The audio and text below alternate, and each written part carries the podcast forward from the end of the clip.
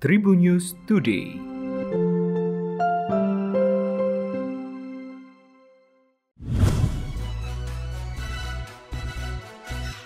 Halo Tribuners, berjumpa kembali bersama Memes. Memes akan berbagi informasi untuk kamu dimulai dari berita nasional.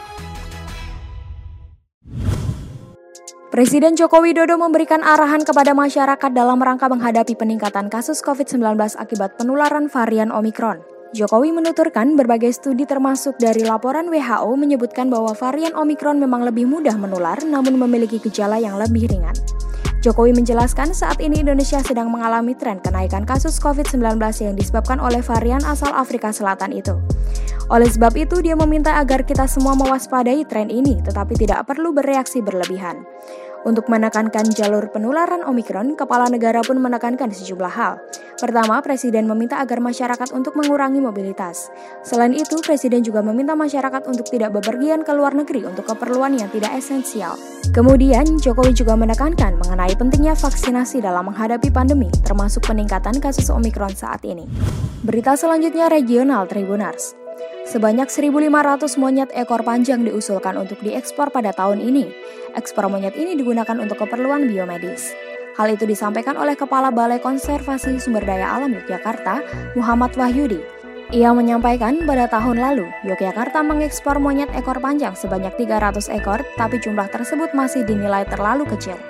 Oleh sebab itu pada tahun ini kuota diusulkan naik menjadi 1.500 ekor. Wahyudi mengatakan bahwa untuk ekspor monyet ekor panjang bukanlah dari pihak BKSDA Yogyakarta, tetapi ada dua perusahaan di Indonesia yang sudah memiliki izin untuk ekspor monyet ekor panjang.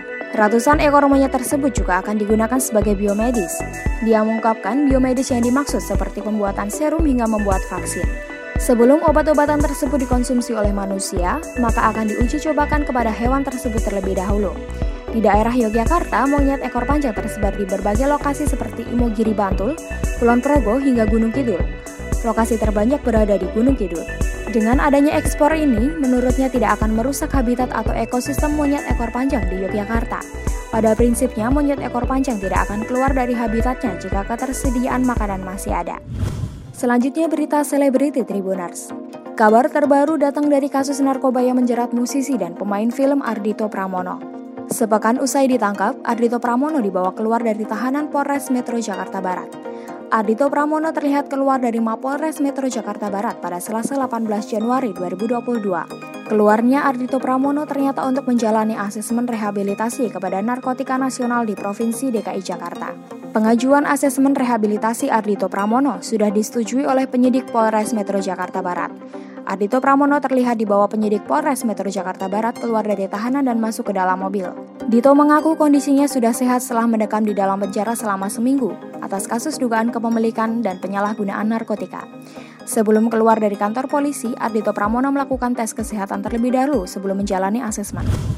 Persib Bandung naik satu strip ke peringkat 3 klasemen Liga 1 setelah meraih kemenangan 1-0 atas Borneo FC di Stadion Kapten 1 Wayan Dipta, Gianyar Bali pada Selasa 18 Januari 2022. Satu-satunya gol dicetak oleh Muhammad Rashid, dia mencetak gol kemenangan pada menit ke-63. Memanfaatkan umpan datar Beckham Putra yang berhasil dikonversi menjadi gol oleh Muhammad Rashid. Dikutip dari situs resmi klub Persib, bek tengah Persib Victor Iqbonevo menyebut seluruh pemain telah bekerja keras menampilkan permainan terbaiknya di laga kontra Borneo FC pada pekan ke-20 Liga 1 2021-2022. Raihan 3 membuat Persib mengoleksi nilai 40 dan kembali bersaing di papan atas klasemen. Pelatih Persib Bandung, Robert Alberts, mengaku senang skuad asuhannya bisa meraih kemenangan penting atas Borneo FC. Meski demikian, Robert mengaku permainan Victor Ekbonevo dan kawan-kawan masih membutuhkan permainan terutama di segi transisi permainan. Selain itu, pelatih asal Belanda itu pun meyakini para pemain ke depannya akan segera tampil lebih tajam. Demikian tadi empat informasi terkini yang menarik untuk kamu ketahui. Jangan lupa untuk terus mendengarkan Tribun News Today hanya di Tribun News Podcast Spotify dan YouTube channel tribunnews.com. Memes pamit, sampai jumpa. Tribun News Today.